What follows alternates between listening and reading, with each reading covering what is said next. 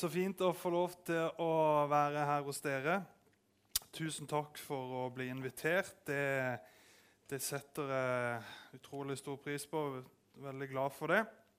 Eh, det er sikkert ikke så mange av dere som, eh, som kjenner meg, men eh, jeg heter Hans Martin Skagestad. Jeg jobber som evangelist i Troens Bevis i Saronsdal. Og jeg taler mye til jeg taler jo til alt, eh, alle mulige alder, men jeg taler også veldig mye til unge mennesker. Det er jo veldig mange unge mennesker som ikke forstår hva en evangelist jeg høres jo på en måte, Hvis du, du ikke ser meg og bare hører evangelist, så tror de jo jeg er i hvert fall passert 90. Eh, eh, og skulle hatt en gitar under armen. Eh, men jeg, jeg, pleier å si det at min jobb det er å reise verden rundt og skryte av Jesus. Eh, det er min jobb, og det er jo et stort privilegium å få lov til å, å gjøre det. Eh, du kan forresten gjøre den første videoen klar. Jeg skal, skal ikke bruke kjempemye tid og eh, si eh, veldig mye om Troms Vis, men jeg skal si lite grann. Eh, jeg jobber jo eh, i Troms Bevis, og mitt, der jeg er aller mest, det er i den nordlige delen av Vest-Afrika og Nord-Afrika. Eh, også litt i Midtøsten. Eh, liksom, så det er jo store områder, da. Men det er der jeg, jeg jobber veldig mye. Og jeg er jo privilegert som får lov til å reise til de som aldri har hørt om Jesus. Du vet at eh, vi som eh, bor i Norge, de fleste av oss har hørt om Jesus ikke bare 10 eller 20 ganger, men kanskje 100 og 1000 ganger. Men det fins faktisk mennesker i denne verden som aldri har hørt om Jesus som ikke aner hvem Jesus er. Eh, noen har kanskje hørt om profeten Jesus i Koranen, men de har aldri hørt om, om Bibelens Jesus, om Guds sønn. Og Det får jeg lov til å gjøre, å få lov til å reise og fortelle mennesker om evangeliet, evangeliet om hvem Jesus er. Og få lov til å se tusenvis av mennesker som tar imot Jesus hvert eneste år. Og jeg kjenner på et sånn stor privilegium og en stor takknemlighet faktisk å få lov til å være den første som forteller mennesker om Jesus. Det er veldig spesielt, faktisk. Eh, og det, og, og det, det er òg krevende. Du vet at De fleste eh, hos oss de har en eller annen bakgrunn. Men når du skal på en måte presentere evangeliet for første gang, så kan det både være krevende, men det er også utrolig spennende. Og Det som jeg opplever som er veldig som er utrolig godt, for det handler ikke om meg, men det handler om Jesus. Og Det som er fantastisk å se, er hvordan han bekrefter ordet. Gud bekrefter det som ble sagt. Du vet at han er levende.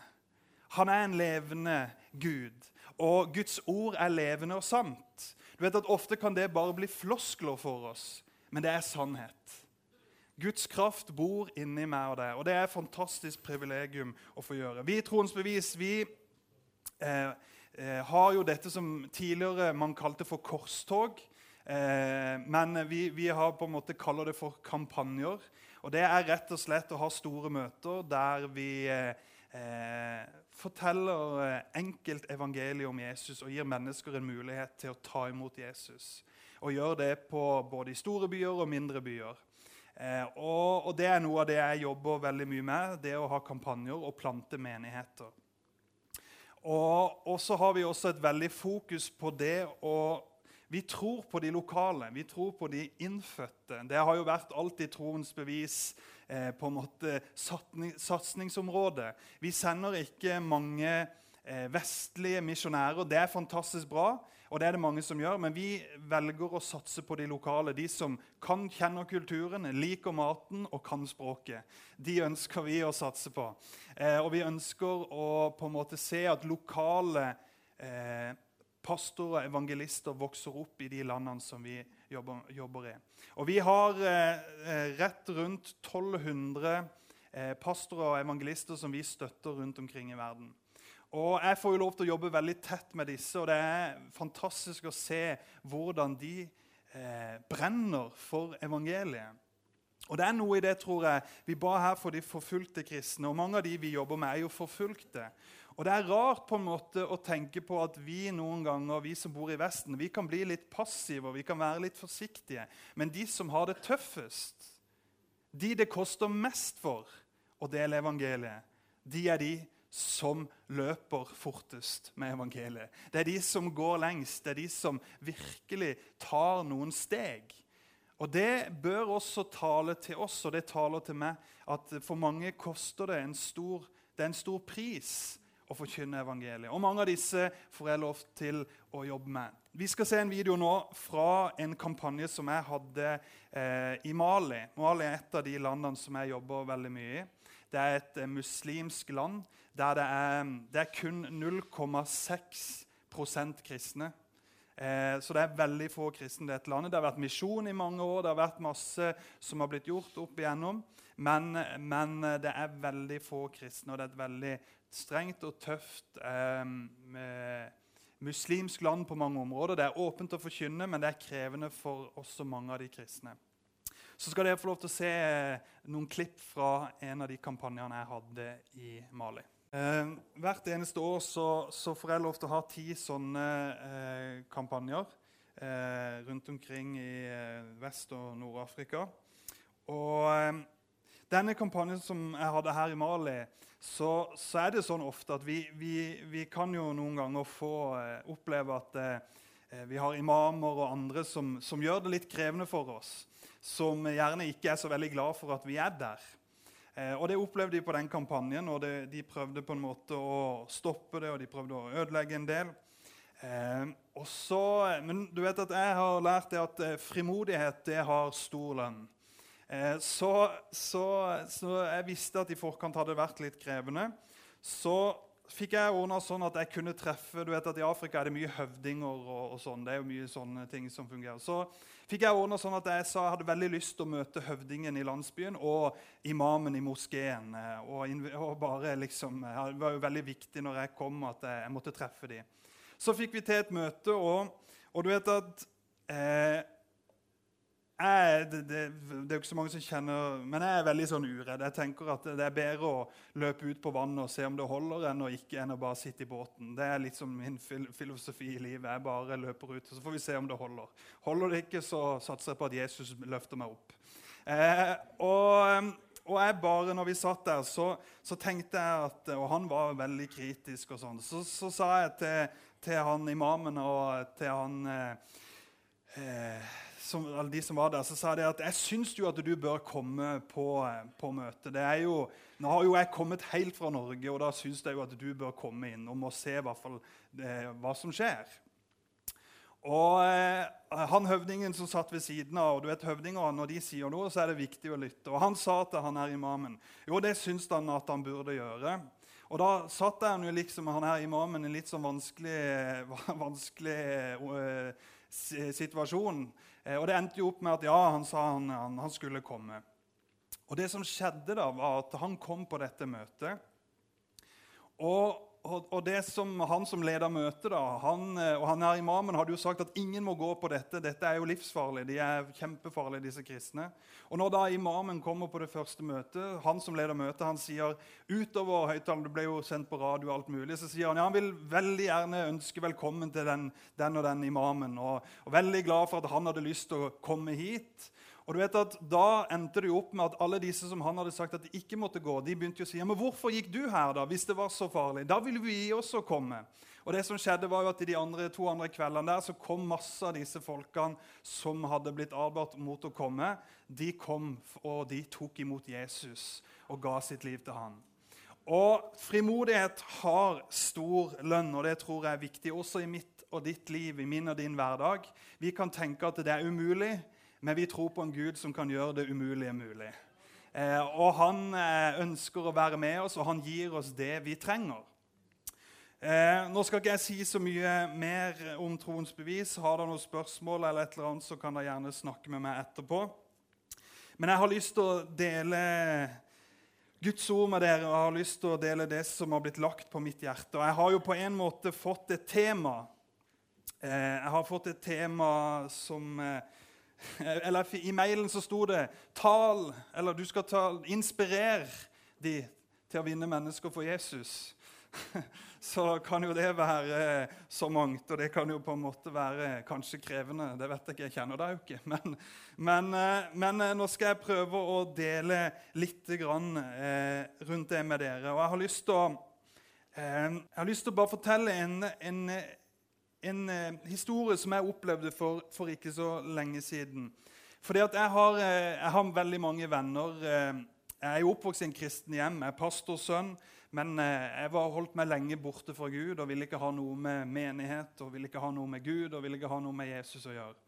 Eh, så jeg har opp igjennom hatt stort sett vanka i miljøer som ikke har vært eh, Det har ikke vært mye lovsang og mye tilbedelse i de miljøene jeg har vanka i.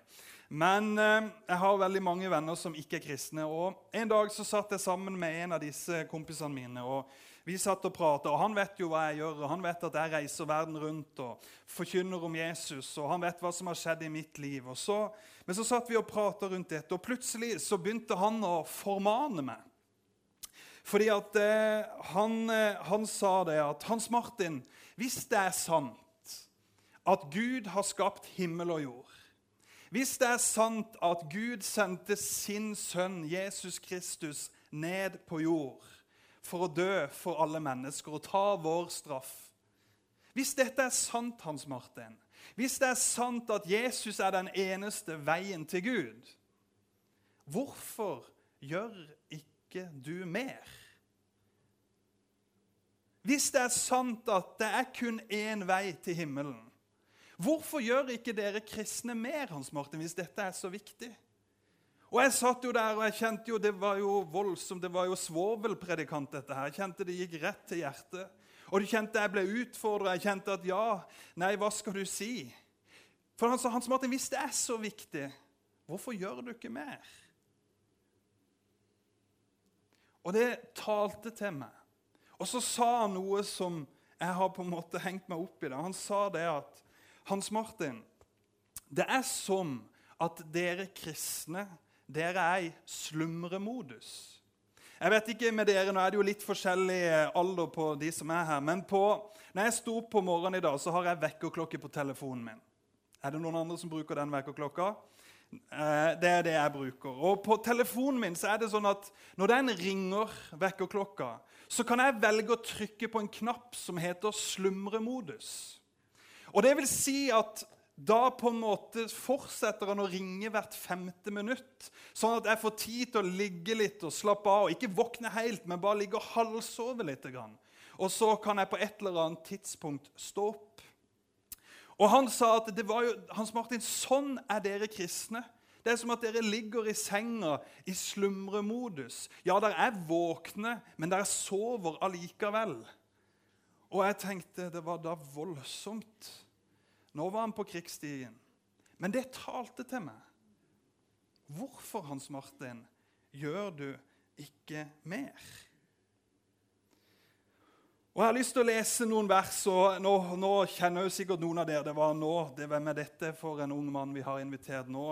Liksom, det var, var, jo veldig kjapp på å begynne med sånne, sånn type forkynnelse. Men jeg skal, håper jeg, og jeg vil oppmuntre deg denne formiddagen, så slapp av. Men vi, vi, vi begynner her. For det at I Romerne kapittel 13 og vers 11-12 så står det noen vers som er egentlig veldig interessante, men som også er veldig krevende. Fordi at du vet at alt som taler inn i mitt liv, er krevende. Alt som utfordrer meg litt, det er krevende.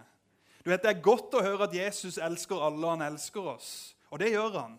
Men du vet at noen ganger så kan vi høre noen ord og vi kan lese noen ord som taler inn i våre liv, og som gjør at vi må se på våre liv. Og det kan være krevende. Du vet at Det er ikke hver morgen det er like fornøyelig å se seg i speilet. Det er jo ikke det. Det kan jo hende noen sier det, at det er bare fantastisk hver morgen, men det tror jeg ikke noe på. Jeg tror vi alle kan kjenne noen ganger at når vi speiler oss selv, så kan vi kjenne at det var ikke sånn som det en gang var. Sveisen har kanskje blitt litt tynnere eller litt gråere. Rynkene har blitt litt mer. Men du vet at noen ganger så kan det være utfordrende å se på sitt eget liv. Men jeg har lyst til å lese eh, i Romerne kapittel 13 og vers 11-12, så står det Dessuten vet dere hvilken tid det er nå. Det nå er. Timen er kommet da dere må våkne opp av søvnen. For frelsen er oss nærmere nå enn da vi kom til tro. Natten er snart slutt og dagen nær. La oss derfor legge bort mørkets gjerninger og kle oss i lysets rustning. Jeg har lyst til å lese også fra en engelsk oversettelse, for der står det And do this, understanding the present time. The hour has come for you to wake up from your slumber, because our salvation is nearer now than when we first believed. Altså I den engelske oversettelsen så står det at 'forstå tiden du lever i'. Timen er kommet der du skal våkne fra slumringa. Og det som er interessant, er jo at Paulus han skriver dette til en menighet med nye, nye troende. Mennesker som akkurat har tatt imot Jesus. Og Denne menigheten har mest sannsynlig ikke Paulus eh, truffet før. Han har ikke besøkt denne menigheten før. Og Allikevel så skriver han dette. Han kjenner det ikke. Han, han, har ikke truffet dem. Han vet ikke at de på en måte har sovna hen, eller at de slumrer. Han vet ikke dette, men allikevel så skriver han det. Og Paulus han har en utleggelse om den kristne lære i, i, i Romerbrevet. Eh, han skriver om hvordan vi som, eller de som troende skal leve, og han snakker om hvordan hvert enkeltmenneske skal leve, og om hvordan menigheten skal leve. Og Så kommer han til kapittel 13, og så snakker han om at vi skal elske vår eh, nabo eller vår neste. Og Han legger trykk på selve essensen i evangeliet om at Jesus er den eneste veien til Gud. Og For å få med vår neste så må vi elske dem. Eh, og som Gud har elsket dem, og ha Guds hjerte for mennesker. Jeg tror det er noe av nøkkelen for oss som menighet, som kristne, er at Guds hjerte for mennesker må bli vårt hjerte. Du vet at Vi er jo fryktelig egoistiske. Kanskje det ikke er det her på Nærbø, men vi i Kristiansand vi er veldig egoistiske. Du vet at Det handler mye om oss sjøl. Det handler mye om hva, hva, jeg vil ha, og hva jeg liker, og hvordan jeg ønsker det. Sånn er i hvert fall mitt liv. Og jeg liker å være ærlig med mitt liv. Eh, og jeg tror det er viktig, for mye handler om meg sjøl. Men du vet at Guds hjerte, det er at han elsker mennesker. Han elsker de rundt seg. Han elsker alle. Og jeg tror, jeg tror det er viktig at Guds hjerte må bli vårt hjerte. For hvis menigheten, hvis menigheten, eh, Guds menighet og alle kirker i Norge hadde hatt Guds hjerte for mennesker, så hadde det ikke fantes et eneste tomt bedehus, ikke en eneste tom kirke i dette landet. Det er jeg overbevist om. Fordi at Guds hjerte for mennesker er så enormt, og han elsker alle. Og Jeg syns det er interessant når Paulus skriver dette, at dere må passe på så dere ikke slumrer hen eller sovner bort. For han kjente ikke disse, men allikevel så sier han det. Og jeg tror det er viktig for oss å forstå at det er veldig fort å sovne hen. At til slutt så betyr det ikke så mye, og vi tenker ikke så mye på de utenfor, men det handler om oss innafor. At vi skal få det vi liker. At vi skal få den musikken vi liker, den forkynnelsen vi liker. At vi skal få det sånn som vi ønsker. Vi må jo ha den samme stolen, for det, hvis det kommer en ny en og setter seg der, da blir det krig. Ikke sant? Altså, Det kan være mange ting som kan på en måte gjøre at vi tenker kun på oss sjøl og på hva vi ønsker. Men Gud, Guds hjerte er å se til sin neste. Guds hjerte er alltid ute etter den som har kommet bort. Etter den som ikke kjenner Jesus. Og jeg er overbevist om at det, hvis det blir vårt hjerte, og hvis det blir det som preger oss, så er det naturlig at mennesker rundt oss tiltrekkes av det som har med Jesus å gjøre. Fordi at Jesus elsker mennesker.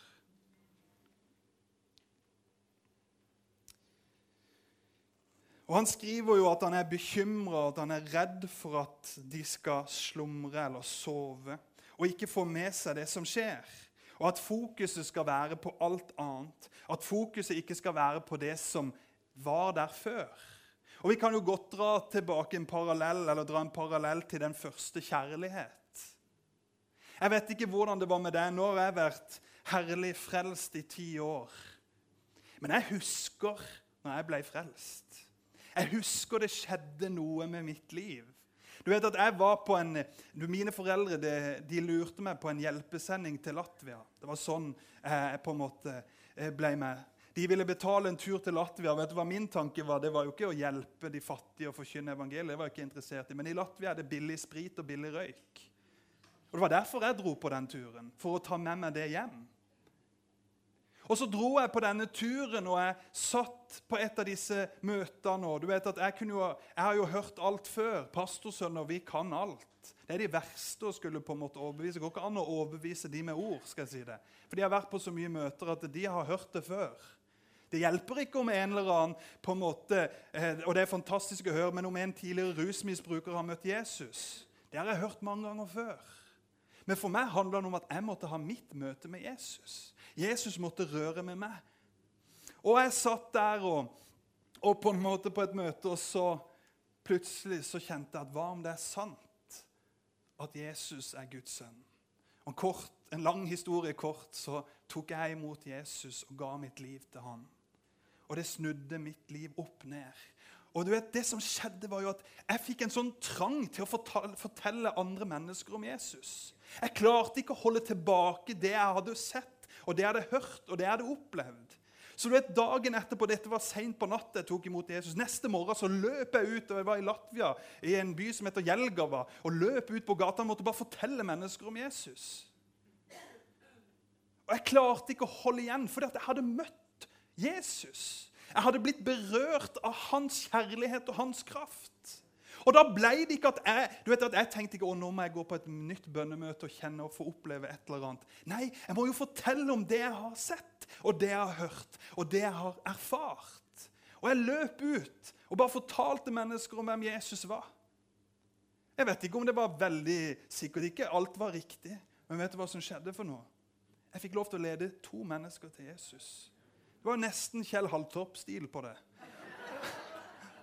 Jeg, på en måte, jeg bare jeg gikk ut fordi at jeg trengte å fortelle mennesker om hvem Jesus var. For jeg hadde møtt han. Og du vet at en berøring av Jesus det fører ikke til å bli selvopptatt. Men en berøring av Jesus gjør at du elsker mennesker. Og du ønsker at mennesker skal møte Jesus.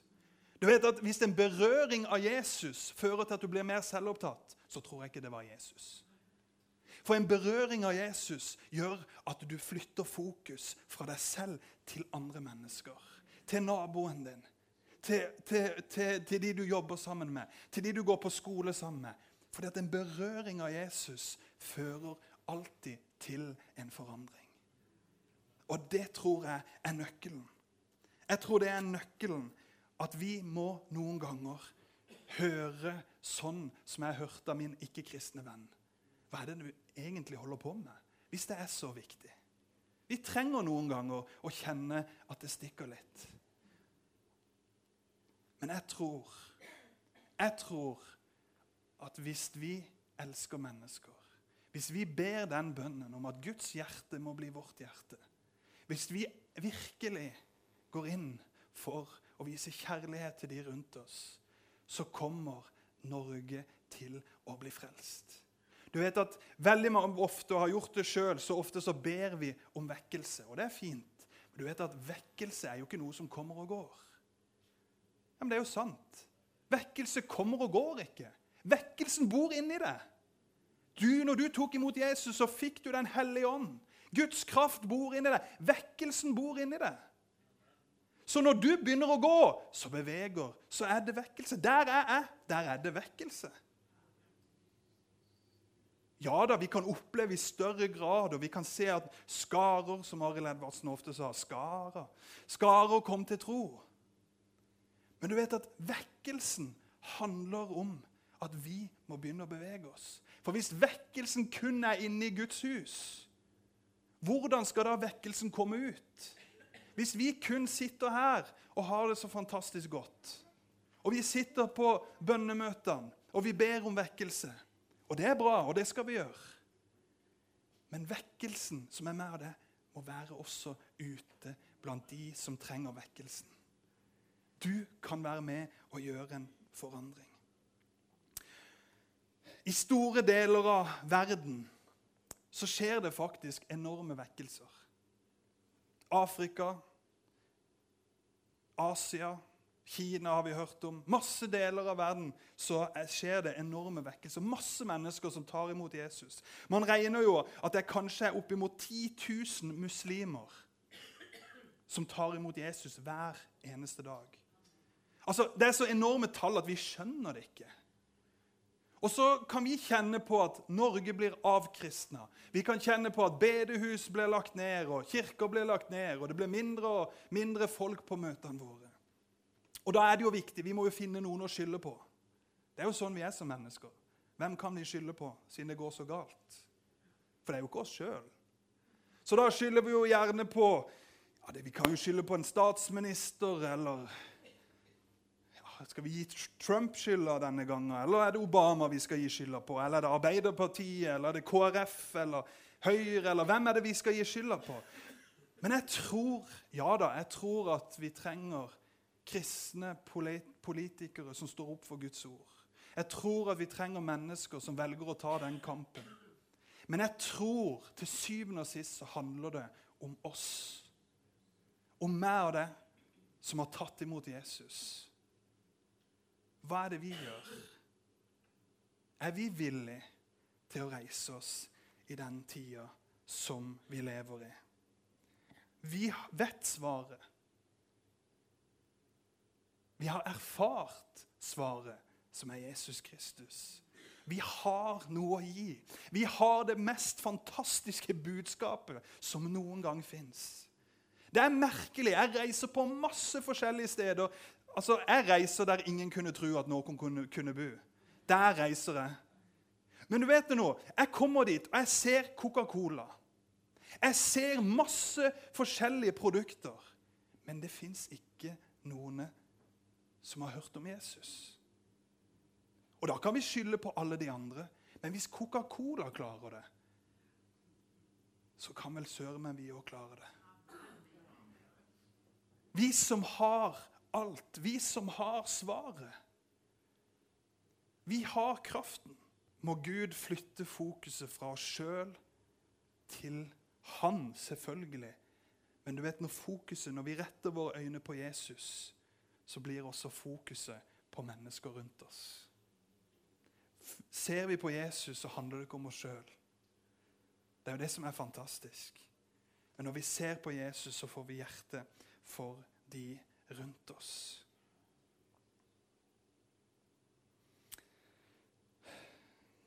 Vi trenger Guds kraft. Som menighet, som kristne, så trenger vi Guds kraft. Det er jo derfor det står i Apostlenes gjerning kapittel 1 og vers 8. Men dere skal få kraft idet Den hellige ånd kommer over dere. Ikke for å ha sterke møter. Ja, det er fint. Vi vil ha sterke møter. Men vi fikk ikke kraften bare for det. Men dere skal få kraft idet Den hellige ånd kommer over dere. Hvorfor? Jo, for dere skal være mine vitner i Jerusalem, Samaria og Judea og helt til jordens ende. Derfor fikk vi kraften. Og vi trenger noen ganger å si, 'Gud, flytt mitt fokus'. Feste vårt blikk på Jesus Kristus. Og når vi gjør det, så tror jeg at da elsker vi de rundt oss. Hvorfor trenger du å bli fylt av Guds kraft? Jo, for Den hellige ånds oppgave er å herliggjøre Jesus. Er det litt karismatisk av og til? Du vet, Jeg er jo mye i Afrika, og der er jeg jo vant til respons. Men jeg har jo vært mye i Norge, og du vet at det er jo sånn at når det er veldig sterkt i Norge, så hvisker vi et forsiktig 'Jesus'. Eh, da er det veldig bra. Eh, men du vet at vi trenger å bli fylt med Den hellige ånd. Ja da, du ble åndsdøpt den og den dagen. Men du vet at Bibelen snakker om de ble enda en gang, eller atter en gang, fylt med Den hellige ånd. Og det trenger du. Om du er grå i håret eller om du ikke er grå i håret, så trenger vi å bli fylt med Guds kraft. Fordi at når vi blir fylt med Guds kraft, så blir alltid fokuset Jesus. Og når fokuset blir Jesus, så blir det de rundt oss. Så blir det kjærlighet til de rundt oss. Etter et møte med Guds kraft fører alltid til en lengsel for at mennesker skal møte Jesus. Jeg har lyst at vi skal lese i Esekel 22, 30. Vi kunne sånn sett ha hatt hele den historien, men vi har ikke tid til å bruke all tid. Derfor så skal jeg bare fortelle litt kort.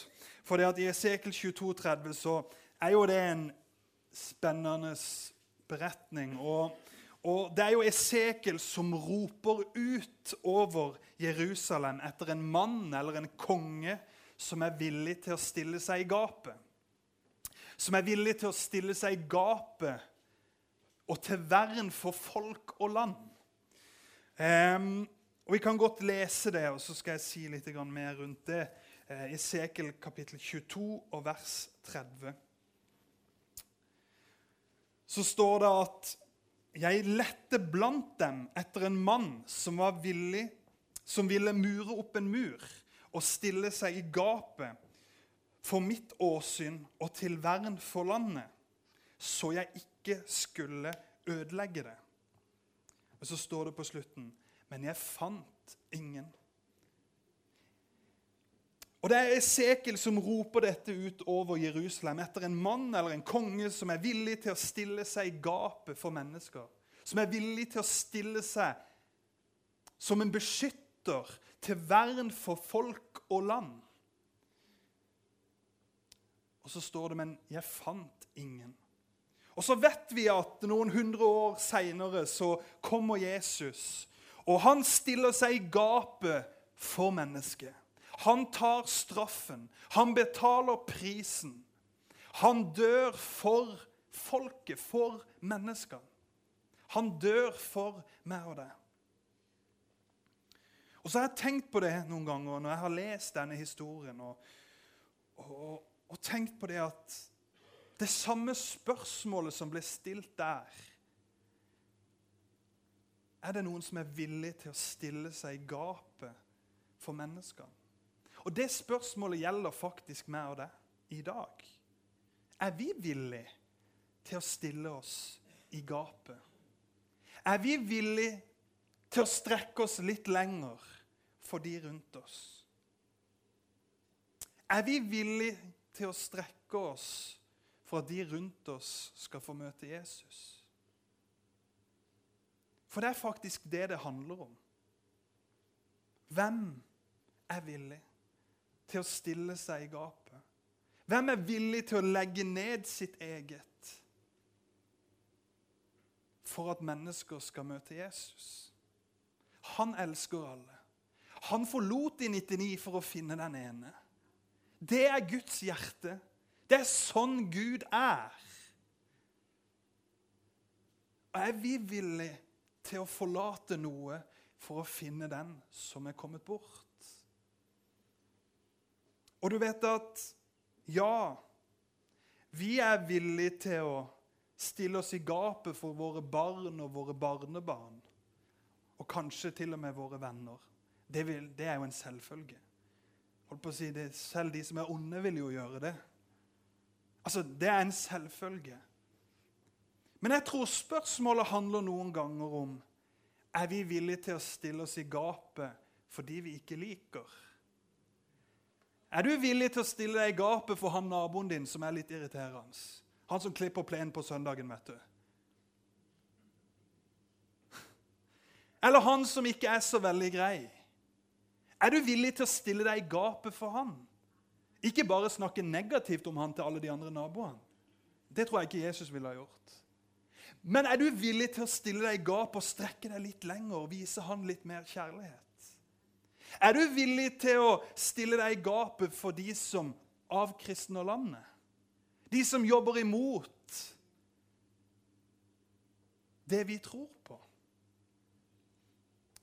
Er vi villige til å stille oss i gapet for de som går i pride.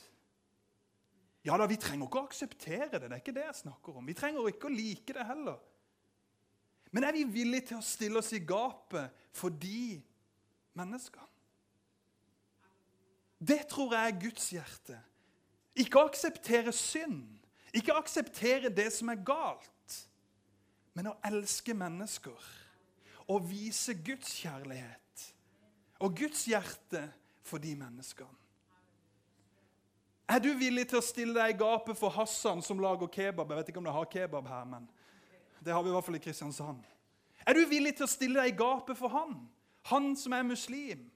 Han som ber hver dag og snur seg mot Mekka. Er du villig til å stille deg i gapet for han? Ja, for barna dine, det, det er en selvfølge, det. Men er du villig til å stille deg i gapet for de menneskene? Det er spørsmålet. Og det tror jeg handler om Guds. Det er Guds kjærlighet for mennesker. Eller hun som går i burka.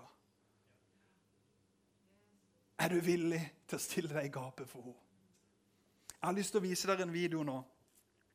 Et fantastisk sterkt vitnesbyrd om en ung, herlig gutt som heter Mubarek, som jeg traff i et land som heter Burkina Faso.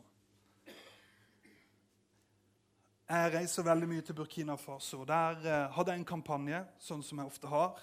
Og Så talte jeg på den kampanjen, og, og Mubarek her, han, han, hadde aldri hørt om Jesus. Og Jeg hører på navnet hans sitt at han var muslim. Han hadde aldri hørt om Jesus. og det som skjedde, var at han tok imot Jesus på et av disse møtene.